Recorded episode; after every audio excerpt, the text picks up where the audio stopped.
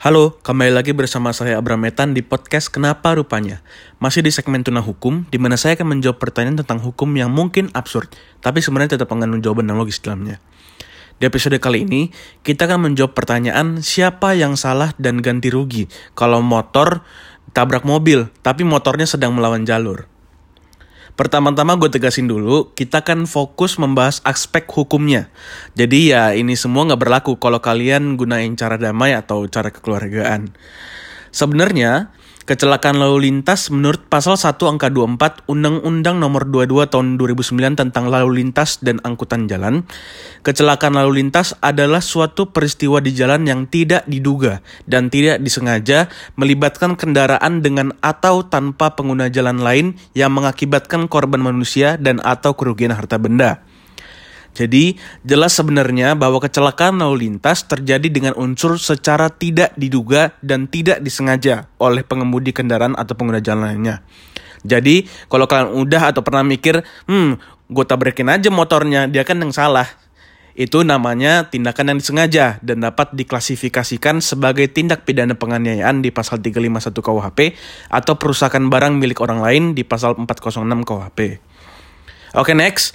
Sebenarnya salah satu hal terpenting dalam suatu tindak pidana adalah penetapan status masing-masing pihak sebagai pelaku atau korban. Yang biasanya dalam hal ini siapa yang melaporkan ke polisi duluan. Kita akan bahas kalau mobil yang dilaporin dulu. Karena biasanya kalau motornya udah merasa salah, pasti nggak dibawa ke polisi, pengennya damai. Biasanya kalau dia ngotot benar atau pengen minta ganti rugi, baru motornya yang lapor. Sebagai pelaku atau terlapor atau mobilnya yang dilaporin, Pihak motor atau pelapor akan membebankan ganti kerugian atas kecelakaan tersebut pasti, sebagaimana dimaksud dalam pasal 234 ayat 1 UU Lalu Lintas yang menyatakan pengemudi pemilik kendaraan bermotor dan atau perusahaan angkutan umum bertanggung jawab atas kerugian yang diderita oleh penumpang dan atau pemilik barang dan atau pihak ketiga karena kelalaian pengemudi. Sebenarnya di sini nilai ganti rugi yang harus ditanggung dapat disepakati antara saudara dengan pihak korban secara kekeluargaan. Namun apabila tidak tercapai kesepakatan secara kekeluargaan, maka dapat menyelesaikannya melalui pengadilan. Nanti hakim yang memutuskan. Itu diatur di pasal 236 ayat 1 UU Lalu Lintas. Nah, tapi sebagai pembelaan pihak mobil perlu diteka, diketahui pasal 234 ayat 1 tadi yang pasal ganti rugi tidak berlaku secara mutlak karena ada tiga pengecualian yang diatur dalam pasal 234 ayat 3 UU Lalu Lintas, yaitu Huruf A, adanya keadaan memaksa yang tidak dapat dielakkan atau di luar kemampuan pengemudi. Huruf B, disebabkan oleh perilaku korban sendiri atau pihak ketiga. Dan atau huruf C, disebabkan gerakan orang dan atau hewan walaupun telah diambil tindakan pencegahan. Jadi, berdasarkan yang huruf B, disebabkan oleh perilaku korban sendiri jika pihak mobil dapat membuktikan bahwa kecelakaan tersebut disebabkan oleh perilaku berkendara korban yang tidak sebagaimana mestinya, maka pihak mobil dapat dibebaskan dari tanggung jawab atas kerugian yang diderita korban. Bagaimana jika mobil sebagai pelapor? Jadi kalau e, keterangan Anda yang menyatakan pengendara motor tersebut melaju di lajur yang salah sehingga mengakibatkan tabrakan merupakan dasar bagi saudara untuk melaporkan tindakannya kepada kepolisian dan menuntut ganti rugi berdasarkan pasal 234 UU Lalu Lintas tadi.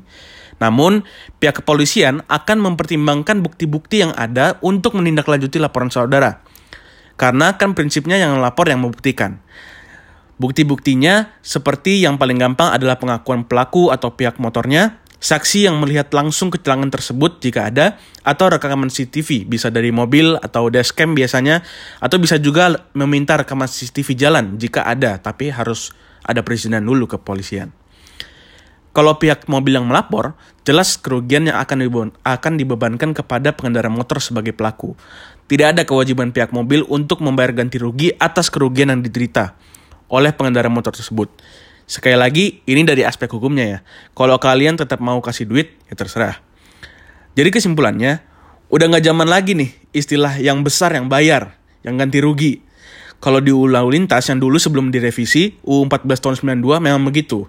Yang besar yang bayar. Tapi sekarang tidak. UU Lalu Lintas menindak siapa pun pengguna jalan yang salah dalam kecelakaan dengan tidak memandang apakah pelakunya adalah pengendara motor maupun pengendara mobil atau kendaraan lainnya. Namun memang secara hukum, untuk menentukan kemudian apakah kalian bersalah atau tidak, hal itu harus dibuktikan terlebih dahulu. Kira-kira seperti itu, jika ada kesalahan mohon dimaafkan karena saya tidak lebih dari seorang tunang hukum. Jika kalian suka konten seperti ini, jangan lupa share ke teman-teman kalian dan jika kalian ingin mengajukan pertanyaan bisa melalui Instagram saya at abrametanascore dan udah sih itu aja. See you in the next episode. Dadah!